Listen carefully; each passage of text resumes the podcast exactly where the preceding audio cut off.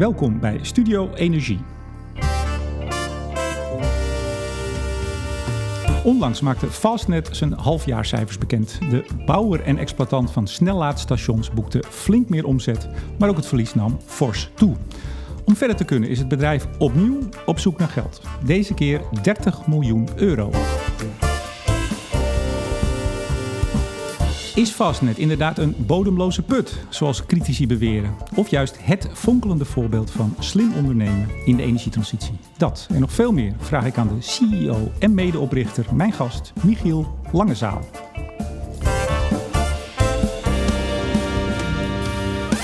En ook deze uitzending wordt weer mede mogelijk gemaakt door de Nutsgroep en Team Energie van Ploem Advocaten en Notarissen. Meneer Langezaal, hartelijk welkom.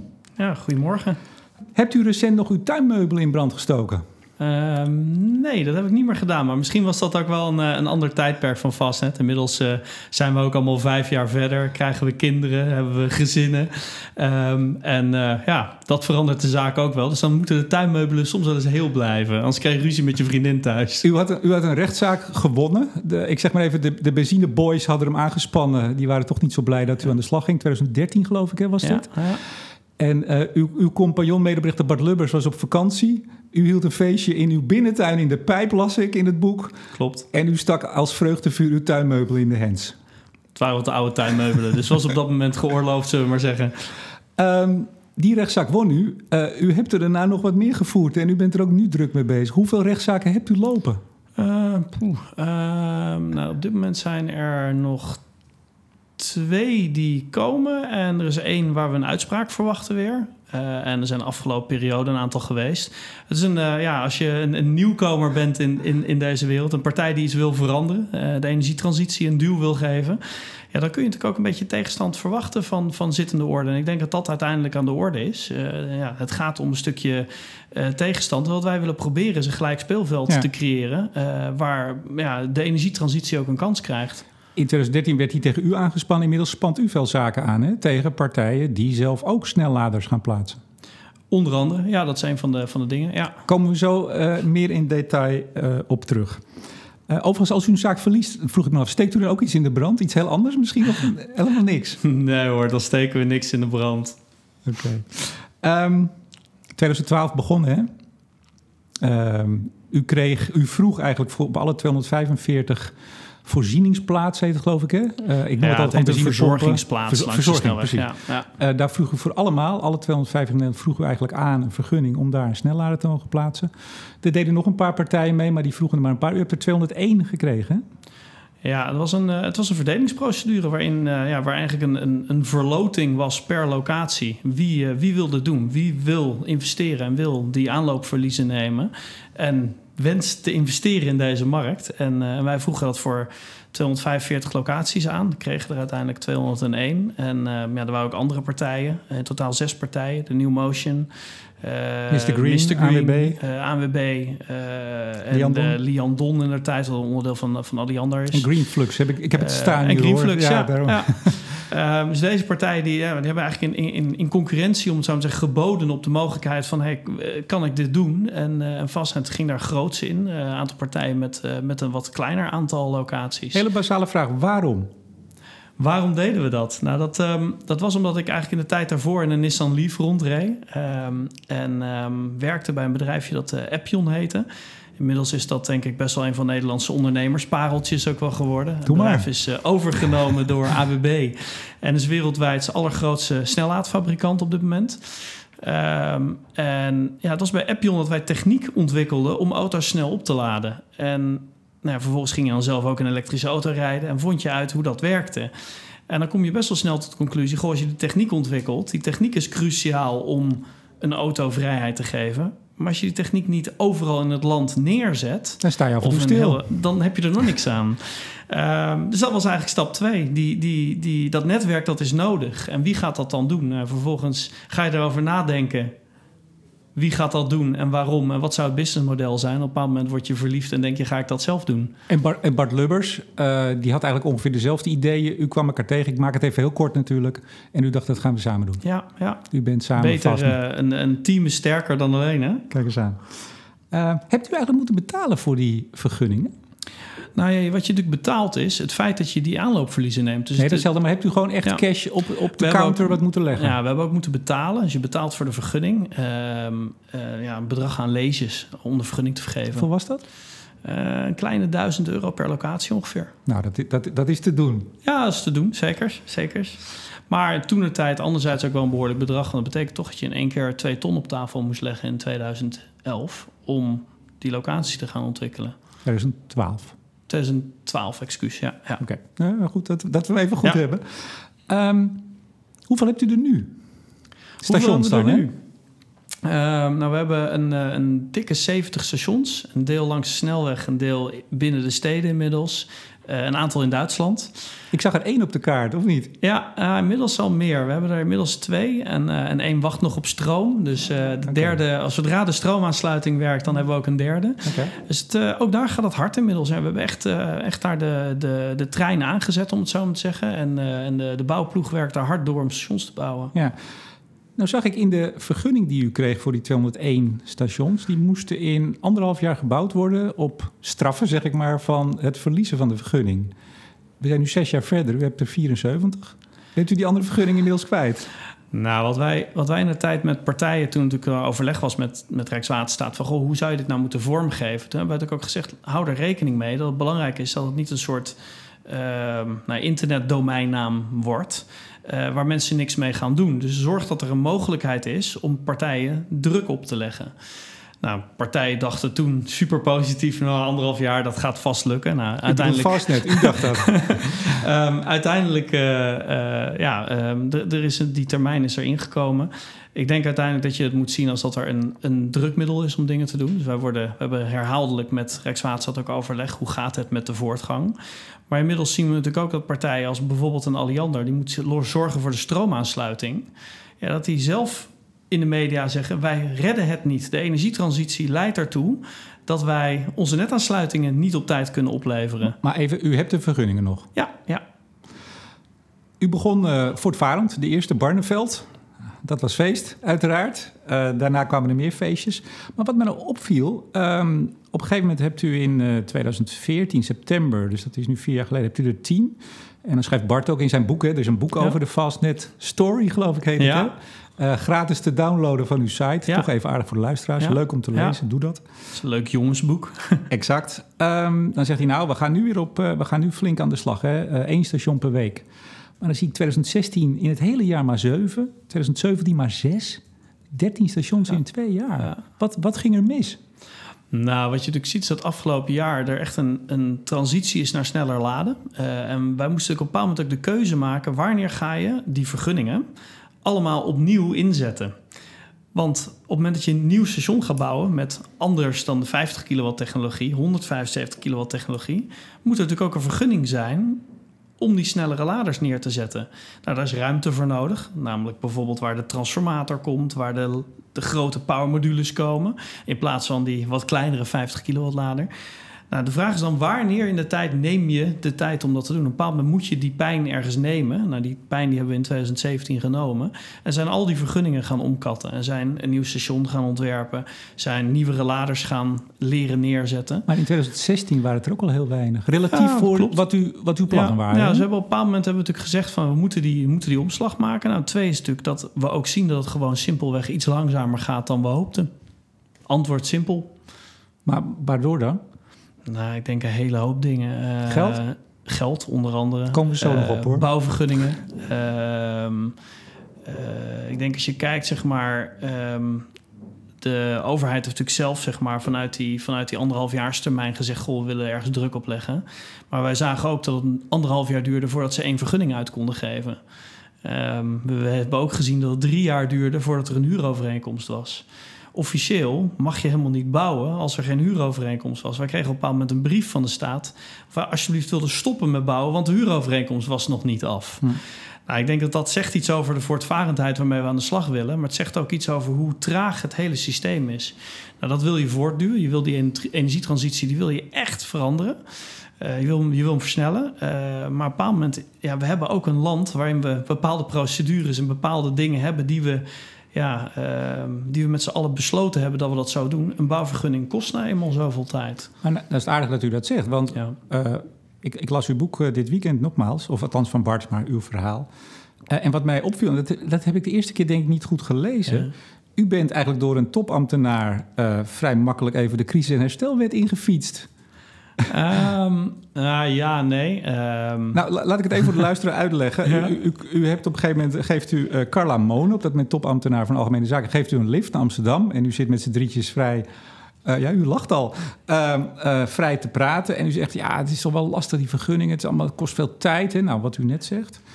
Eh, kunnen jullie nou niet iets doen? Hè? Dat is eigenlijk een beetje. Ja. En dan zegt ze, nou, we kunnen eens kijken of we jullie in de, in de crisis-herstelwet, crisis- en herstelwet eigenlijk gemaakt om, nou, het woord zegt het al, grote infrastructurele projecten los te trekken.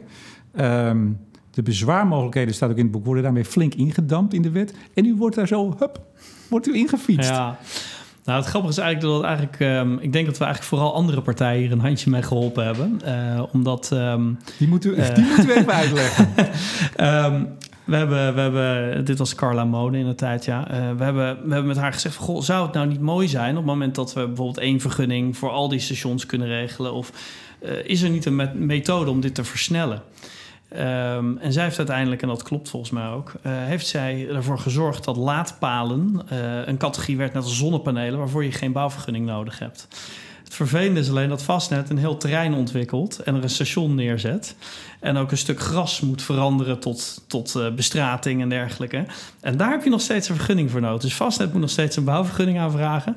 Maar als er in de gemeente iemand een laadpaaltje neerzet, dan is dat als gevolg van het gesprek met Carla Monen gelukkig vergunningsvrij. Nou, dat is ontzettend goed voor elektrisch rijden. Eh, maar Ik- Fastnet heeft het niet helemaal geholpen.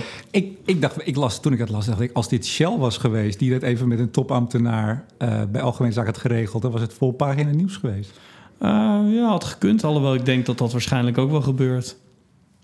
Nou ja, goed. Dat, dat moeten we dan nog maar eens lezen ergens. Hè? Van u weten we het in ieder geval. Ehm, dus op een gegeven moment wordt dat wel wat langzamer. Hè? Eh, eh, het was eigenlijk het idee, die 200 in Ja. twee jaar voor twee ton per stuk. Hè? Dat is Ja. de, de, het, het, Ja. de slogan bijna. Ja. 40 miljoen investering. Ja. Hoe staat het inmiddels met het geld? Nou, het gaat hard, eh, hard verder. We zijn heel druk bezig. We hebben natuurlijk vorig jaar ontzettend veel geld opgehaald eh, eh, aan obligaties. Dat zijn we op dit moment hard aan het besteden. Dus er wordt heel hard 20 gebouwd. miljoen, hè, dacht ik. Ja, 20 miljoen euro. En ehm, nou, daar hebben we inmiddels bijna 10 stations van in Nederland gerealiseerd. En, en er staan er eh, 16, 17 op de planning nog voor Duitsland. Hè? Dus ehm, ja, echt, een, echt een hele grote vergroting van het netwerk. Ehm, en ook allemaal met, of bijna allemaal met snellere laadtechnologie. Dus eh, 175 en 350 kilowatt snelladen. Ehm, nou, dat is heel mooi. Ehm, daar zijn we denk ik tot einde dit jaar wel zoet mee om, eh, om, eh, om, om dat, dat geld te besteden en om te zorgen dat die stations er komen.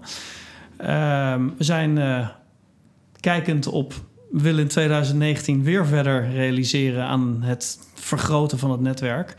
Eh, zijn we gaan kijken van, goh, wat zijn de andere mogelijkheden om geld op te halen? Wat, wat zouden we dan willen doen? Eh, ze zijn onder andere eh, met een zakenbank, Lincoln International, zijn we een, een financieringstraject aan voor een private placement. Dus het, het, het uitzetten van een stuk, stuk equity in het bedrijf zijn we aan het onderzoeken. Aandelen. Aandelen, dat gaat om een bedrag van 30 miljoen, wat we daarmee hopen op te halen.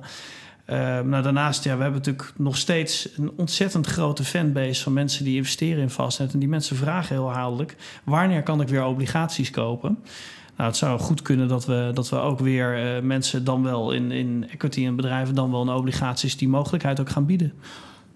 Ik probeerde even te kijken gisteravond nog hoeveel er nou totaal in het bedrijf zit. Ik ben heel slecht in het lezen van balansen en jaarrekeningen. Maar even gewoon zo over de duim. Hoeveel geld zit er nu in Fastnet vanaf het Nou, begin? Het is orde grootte 50-50. Er is ongeveer eh, 22 miljoen euro aan, eh, aan, eh, aan equity opgehaald en ongeveer 25 miljoen euro aan obligaties. Ehm, en dat, dat geld is gestoken in de bouw van het netwerk, maar uiteraard ook in salarissen, in allerlei lopende kosten.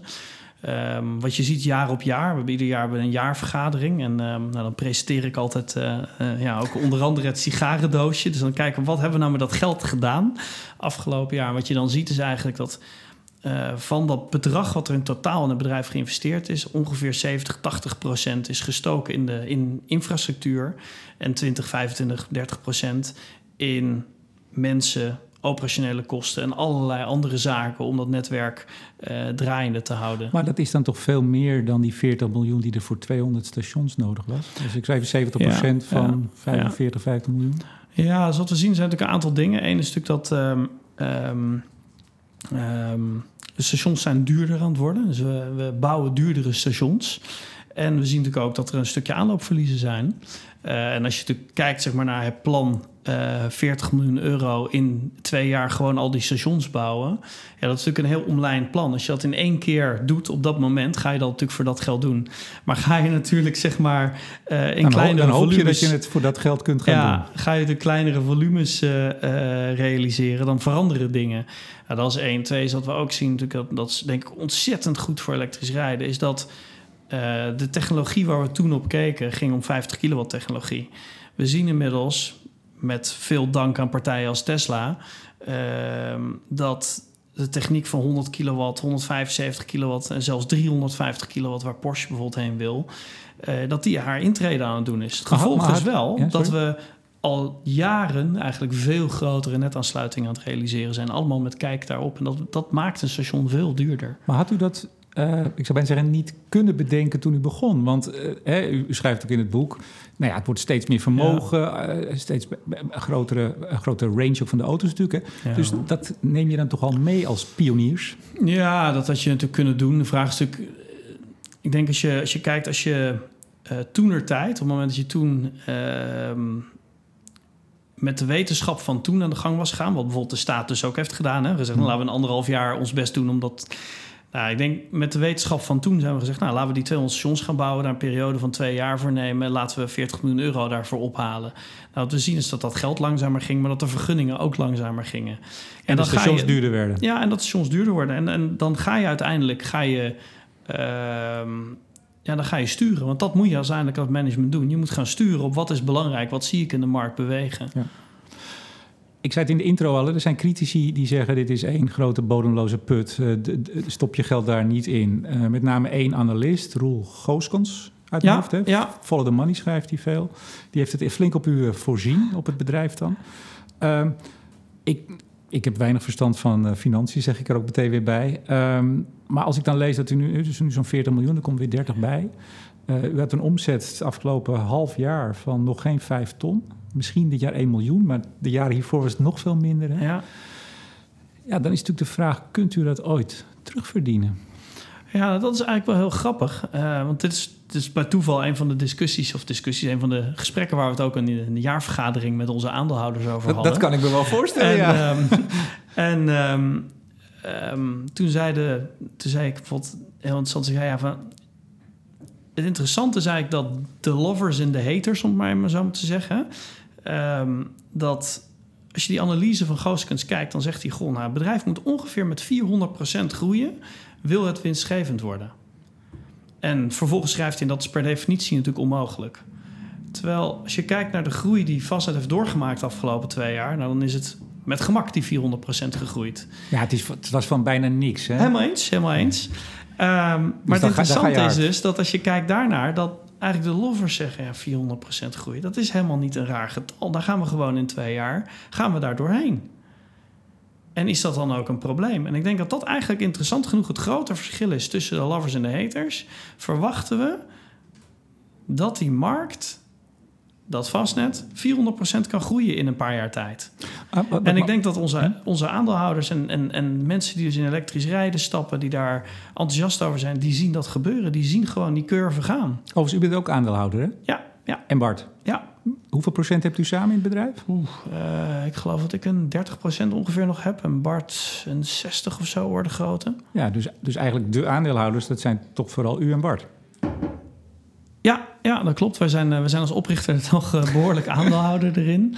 Um, ja, dat is denk ik ook niet vreemd. Dat is, dat is een, een ja, iets wat even gebeurt papier, bij Op papier is het bedrijf nu hoeveel waard? Die 160 miljoen is waar het op ja, ging als je kijkt naar zeg maar, de, de beurskoers... dan zit het ergens tussen de 100 en 150 miljoen... hovert het heen en weer, zeg maar. En, um, dus op papier ja. hebt u het leuk gedaan, tot nu toe. Ja, alleen ik denk uiteindelijk... Kijk, op papier is natuurlijk een hele hoop... Uh, maar er staat geen van dat geld op de bankrekening. En um, ik denk uiteindelijk als je kijkt naar de incentive... die Bart en ik hebben om dit bedrijf een succes te maken dan is dat een papieren incentive die nog helemaal niks heeft gegeven. Dus ver, ver, verbaasd. Eh, wat ik mooi vond, ook in het, in het jongensboek, zoals u dat zegt, om te lezen, dat uh, als u begint, dan komt u op beurzen en u zegt, nou, het moet, het moet snel laden zijn langs de snelweg en niet het langzaam laden thuis. Hè. We gaan echt voor focus. Um, uh, u zegt, we willen ook gewoon een, echt een business case. Hè? Die subsidies, ja. allerlei partijen ja. komen met... ja, onrendabele top, er moet geld bij. Ja. U zegt, nee, we zetten gewoon een business case neer, een bedrijf. Is het dan toch niet wat wrang dat u na een aantal jaar... in een soort lover-hater discussie bent beland... en dat dus die business case die op zich uh, uh, zou moeten kunnen kloppen, die eigenlijk dus zo gewantrouwd wordt door heel veel mensen? Nou ja, dat weet ik eigenlijk niet. Ik denk als je kijkt bijvoorbeeld naar een bedrijf als Tesla, dan zie je natuurlijk ook dat er ontzettend veel negatieve en positieve opinies over zijn. Uh, maar wat, wat het bedrijf uiteindelijk wel heeft gedaan, is een, is een doel gesteld en naar dat doel toegewerkt heeft. En nou ja, soms heeft het een aantal maanden vertraging, maar uiteindelijk werken ze erheen. En Wel iets dat meer ontzettend... dan een paar maanden, hè? Wel iets meer. Uh, af en toe een okay. jaar misschien. Kniezoor. Maar ja. uh, ik denk de kern uiteindelijk is, is die ontzettend ambitieuze doelen. Daar komen ze bij in de buurt of die worden gehaald. En maar de ik vraag is denk- natuurlijk of een ja. bedrijf op de lange Ja. termijn, dus, dus Ja. wat Tesla Ja. doet voor elektrische Ja. auto's en wat u doet voor infrastructuur, is natuurlijk heel belangrijk. Je hebt dit soort partijen nodig. De Ja. vraag is, Ja. maar daar kom ik aan het eind nog op, overleeft Fastnet die ontwikkeling? Zijn ze erbij als het straks echt losgaat? Ja, nou, ik denk uiteindelijk, dat is natuurlijk deels waar de, waar de aandeelhouders, dus de eigenaren van het bedrijf, ehm, eh, een rol in hebben. En ook dus? nieuwe, nieuwe eigenaren. Hmm. Ehm, uiteindelijk bepalen die natuurlijk, investeren we door. Eh, stoppen we meer geld in het bedrijf om het een succes te maken? Want de kost gaat voor de baat uit. Dat is uiteindelijk een punt. Ehm, wat zien we? We zien die markt ontzettend hard groeien. We zien andere partijen hier ook in investeren. Als je kijkt naar, ehm, naar de waarde die Fastnet heeft ontwikkeld en of die beurswaarde, of dat allemaal realistisch is. Nou, we zien inmiddels dat we kijken naar transacties, een BP die Chargemaster koopt, een Allego wat verkocht wordt aan Meridium. Ja, ik zou bijna zeggen, daarmee wordt de beurskoers van Fastnet wordt, wordt zeg maar eh, eh, bijna gekopieerd als je naar die transactiewaarde kijkt. Ehm, nou, dat is denk ik één. Twee is, we zien bij al die bedrijven zien we de groei van, het, zeg maar, van de afname van stroom door elektrische auto's ontzettend hard groeien.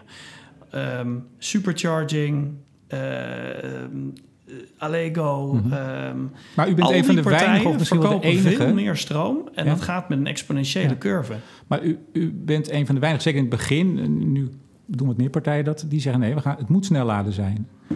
Eh, uw collega bij New Motion, volgens mij recent nog in een interview, die, die zit er op een heel ander spoor. Ja, ik denk dat daar meningen verschillen. Eh, ik denk dat we wel zien bijvoorbeeld dat een, een Tesla investeert natuurlijk ontzettend hard in haar supercharging netwerk. En dat gebruik dat groeit ook heel hard. Dat doet ze natuurlijk niet zonder reden. Kijken we naar ehm, partijen in, naar- in, in een aantal van de zeg maar, toch echt voorlopermarkten als Noorwegen, dan zien we die ontzettend hard investeren in snelladen. En waarom? Dat het belangrijk is voor een consument. Ik zag dat u in het begin, in de beginjaren maakte u samen een sommetje.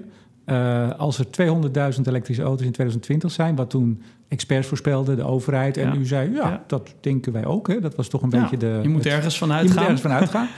Ehm, als die één keer per week bij ons laden voor een tientje, eh, dan zit het Ja. op de 100 miljoen. Ja. Ehm, nou goed, ik heb even uiteraard uw halfjaarscijfers bekeken. Ehm, dan zie je dat de bijna 95 of iets meer dan 9500 klanten, zeg maar even 10.000 voor het Ja. gemak, van de 30.000 elektrische rijders in Nederland. Dus u hebt een derde Ja. als klant. Die besteden nu 1,89 euro per week bij u. Ja. Zit er niet een enorm gat tussen die... Nou, ik geef u 1,90. Ja, ja, En dat zeker een, waar u van ja, uit ja, ging. er zit toch best wel een behoorlijk gat. Hoe komt dat? Nou ja, kijk, uiteindelijk je moet natuurlijk je moet ergens een business case van maken. Dus je moet een, een, een aanname maken en kijken waar je heen gaat. En ik denk als je kijkt wat de kennis was in 2012, ja, dan is Ja, die 2014 natuurlijk- had u die ook nog in Nou, boek, hoor. Dus- 2014, nou, maar goed. in dan, dan, is die, dan is die kennis natuurlijk gewoon anders geworden. Dus ik denk dat dat één is. Eh, maar ik denk als je, als je kijkt naar, eh, om toch weer even terug te pakken naar Roel Gooskens, die om, uiteindelijk toch ook een, nou ja, een analist is die, eh, die kritische goed analist, naar de cijfers. ja, Ja, ja. maar ook wel goed heeft gekeken naar de cijfers, laten we wel wezen. Die zegt als dat bedrijf 400% groeit, dan denk ik dat het winstgevend kan zijn. En maar ik wil toch even terug naar, dat, naar die 1,89 euro. Nou, wat, wat, tanken ze minder bij u? Doen ze het alleen in noodgevallen? Wa- Want u hebt daar een beeld van wat het gedrag is van uw klanten. Nou, ik denk dat, ik denk dat we gewoon zien dat eigenlijk dat die, ehm, nou, die aanname zeg maar van 10 euro is een grootte van een batterij, zeg maar. Ehm, en dat is een aanname voor 2020. Dus als we op dit moment kijken, dan tanken mensen, zeg maar, laden mensen 15, 20 kilowattuur. We zien die batterijen natuurlijk groeien. Dus we gaan in de komende jaren naar batterijen toe van 70 tot 100 kilowattuur. Dus we hebben natuurlijk wel behoorlijk wat groei door te maken. Dus die 2 euro om die batterij te vullen... Die wordt vanzelf wel een tientje. Die wordt, nou, die wordt, die wordt dus orde grootte 6, 7 euro in de komende jaren. Als wij niks met prijzen doen, als we uh, die markt gewoon laten wat het is... Uh, sneller laden wordt even duur aangeboden als de huidige prijs van snel laden... Um, dan, dan zie je natuurlijk dat dat, dat dat een ontwikkeling is. Dus ik denk dat... Um, als je daarnaar kijkt, 2020 is natuurlijk gewoon een meetpunt. Dat is denk ik één. En twee is natuurlijk dat die 200.000 auto's, dat is ongeveer vijf keer de nou ja, kleine 40.000 die we einde van dit jaar ongeveer zullen zien op de weg. Maar ik geloof dat u ook heeft aangegeven die 200.000 gaan. U, u, denkt nu 160.000. Ja, nee, de, aangegeven. Uh, ik bedoel, er zijn natuurlijk een hele hoop marktverwachtingen, maar we zien wel dat de meeste analisten nu aangeven dat ze mikken op die 160.000 en dat gebruiken wij dus in een hele hoop analyses. Ja. Hm. Um, we begonnen eigenlijk even met uw tuinmeubelverbranding en de rechtszaken. Daar wil ik toch nog even naar terug. Um, ik zei het al, u spant zelf ook nu rechtszaken aan tegen bijvoorbeeld de Shells van deze wereld, noem ik ze maar, die ook een snellader op hun station zetten, waar u ook al zit.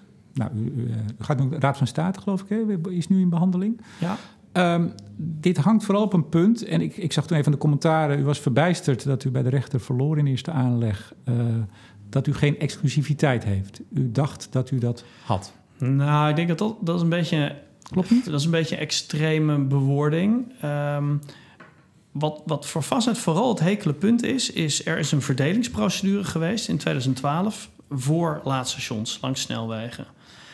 En daar zijn partijen die daarop geconcurreerd hebben, die hebben ingeschreven, die zeiden wij gaan investeren, wij gaan dat doen.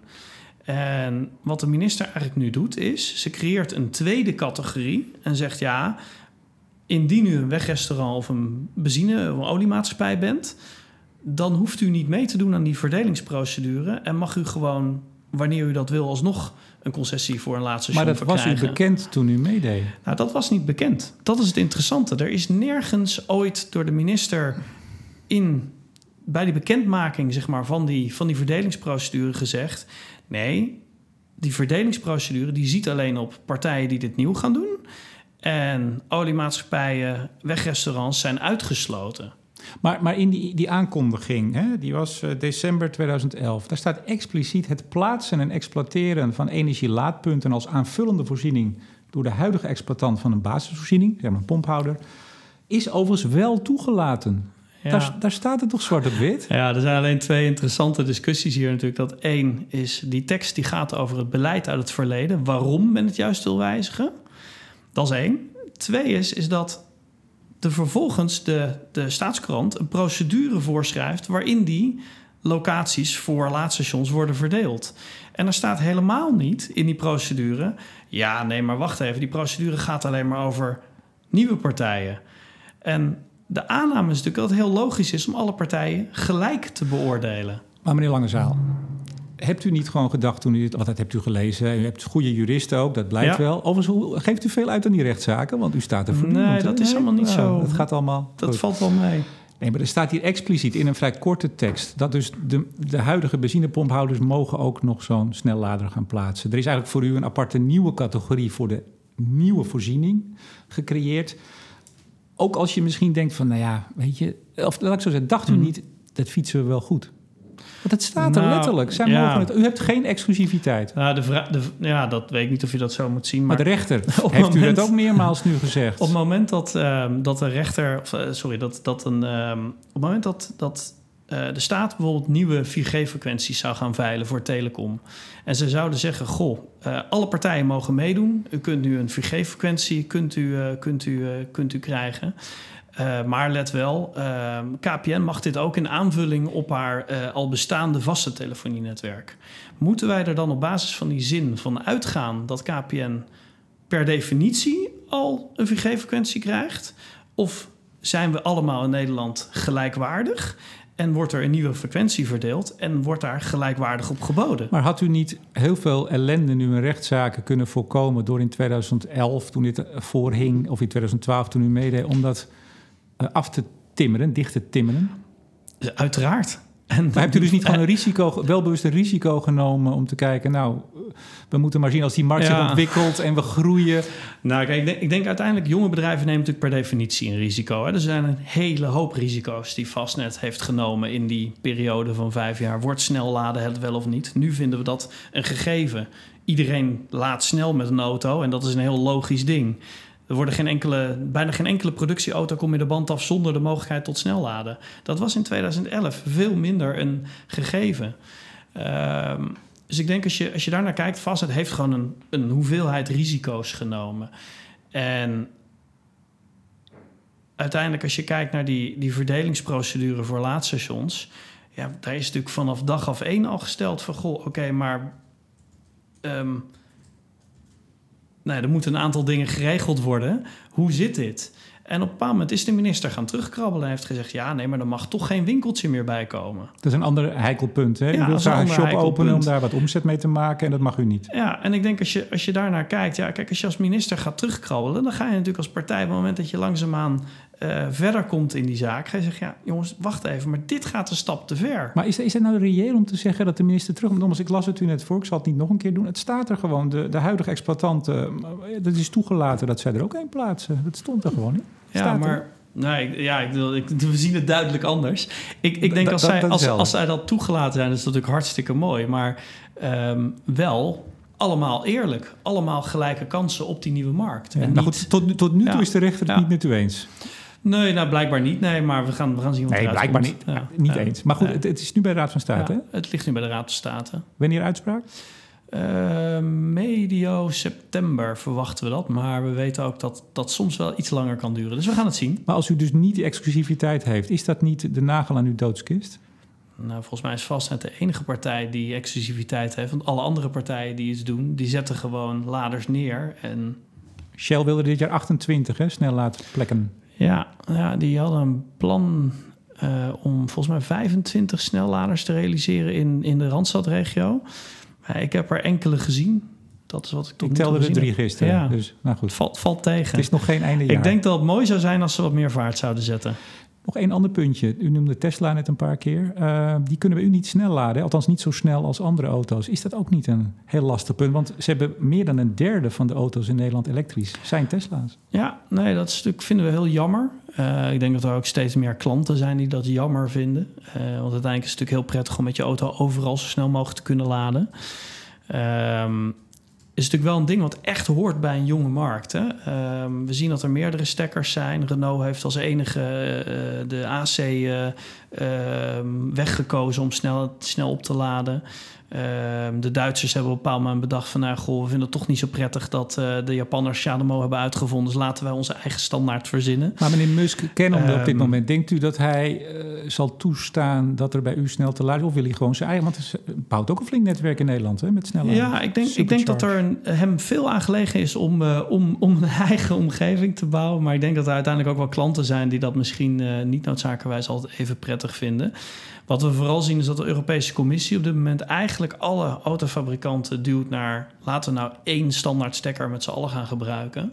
Want dan hebben we marktwerking, dan hebben we geen gesloten systeem. Kunnen mensen hun auto ook gewoon verkopen en kun je die op alle infrastructuur gebruiken. Uh, dus daar lijkt op dit moment heel veel druk. Uh, maar goed, ja, ik, uh, ik, op dit moment denk ik dat, het nog wel even, dat er nog wel even veel Tesla's nog niet kunnen opladen bij Fastnet op een hele snelle wijze. Want u gaf wel eerder aan, ik dacht in de, in de stukken van het half jaar, dat u hoopt dat de Model 3 dat die wel wellicht. Maar bent u dan ook al in gesprek op dit moment Tesla dat u daar hoop uit kunt putten? Ja, ik denk dat iedereen in gesprek is met Tesla om daar hoop uit te nutten. Maar ik denk dat uh, uiteindelijk Tesla, ja, zij zullen dat nu niet aan, aan, ons als enige bekendmaken. Dus dat zullen ze waarschijnlijk op een bepaald moment doen wanneer de auto voor de Europese markt onthuld wordt. We gaan een beetje afronden. Uh, begin dit jaar zou je in het Financieel Dagblad... als Fastnet stopt, stoppen de shells van deze wereld ook. Uh, denkt u niet dat als uh, dat, dat Shell eigenlijk gewoon gebruik maakt van uw pionierswerk... uw bloed, zweet en tranen... uh, en er met de buit vandoor gaat? Oh, dat zou vast goed kunnen. Ja, ik denk dat dat heel normaal is voor de bestaande industrie om, om, de, om de voorlopers af te wachten. Kijk, ik denk dat dat ook niet. Um, dat is ook niet een, een ding waar wij mee bezig zijn, volgens mij. Waar wij mee bezig zijn, is, is de energietransitie versnellen. We zien bijna alle mensen die bij Fastnet komen werken, die doen dat omdat ze willen werken aan elektrische auto's de weg op krijgen. Aan te zorgen dat die infrastructuur er komt. Aan te zorgen dat we die energietransitie versnellen. Als we kijken. Ik denk dat dat gewoon een heel belangrijk deel van de missie is. Tweede is om een succesvol bedrijf te beginnen uh, en het bedrijf succesvol te maken. En als ik kijk naar hoe de omzet ontwikkelt, ja, hij is nog best klein, maar ontwikkelt ontzettend goed. Wanneer bent u winstgevend? Nou ja, uiteraard, we mogen geen forward-looking statements daarin maken. Maar ik denk dat als je kijkt naar die analyse als, als van, een, van een, ja, als beursgenoteerd bedrijf. Ik denk als we kijken naar, naar uh, die uitspraken van, van Roel Gooskens bijvoorbeeld, dat hij daar niet heel ver naast zit. Ik denk als een bedrijf een 400% groei doormaakt, dan, dan hebben we een, goede, een goed lopende business. Nou ja, uh, we hadden het net over hoeveel elektrische auto's zijn er in Nederland en hoeveel zijn er in 2020. Nou, in 2020 hebben we meer dan 400% marktgroei gezien. Dat, dat hoopt u? Nou, dat is de, de, de, de outlook op dit moment. Hè. Dat is wel een voorspelling. Dat, dat is een voorspelling ten aanzien van het aantal auto's, ja. ja. Maar we hebben gezien, ja, voorspellingen die we ook eerder deden, ja, die komen niet altijd uit. Nee, zo? klopt, klopt. Slotvraag, wat vindt u belangrijker? Dat de overgang van fossiel naar elektrisch rijden een groot succes is of dat Fastnet een groot succes wordt? Nou, ik denk uiteindelijk het eerste. Um, de overgang naar, naar elektrisch rijden, dat is, dat is echt iets wat heel belangrijk is. Als ik kijk, uh, um, ja, kijk naar het energiesysteem, klimaatverandering, er moet echt iets gaan gebeuren. Uh, maar uiteraard mijn verantwoordelijkheid en waar ik dagelijks mee bezig ben, is vast net succes uh, laten worden. En dat is aan de ene kant voor mij een heel groot onderdeel daarvan, maar in het grotere geheel natuurlijk aan de andere kant een heel klein onderdeel daarvan. En ik hoop dat er heel veel meer mensen initiatieven ontplooien zoals Vastnet.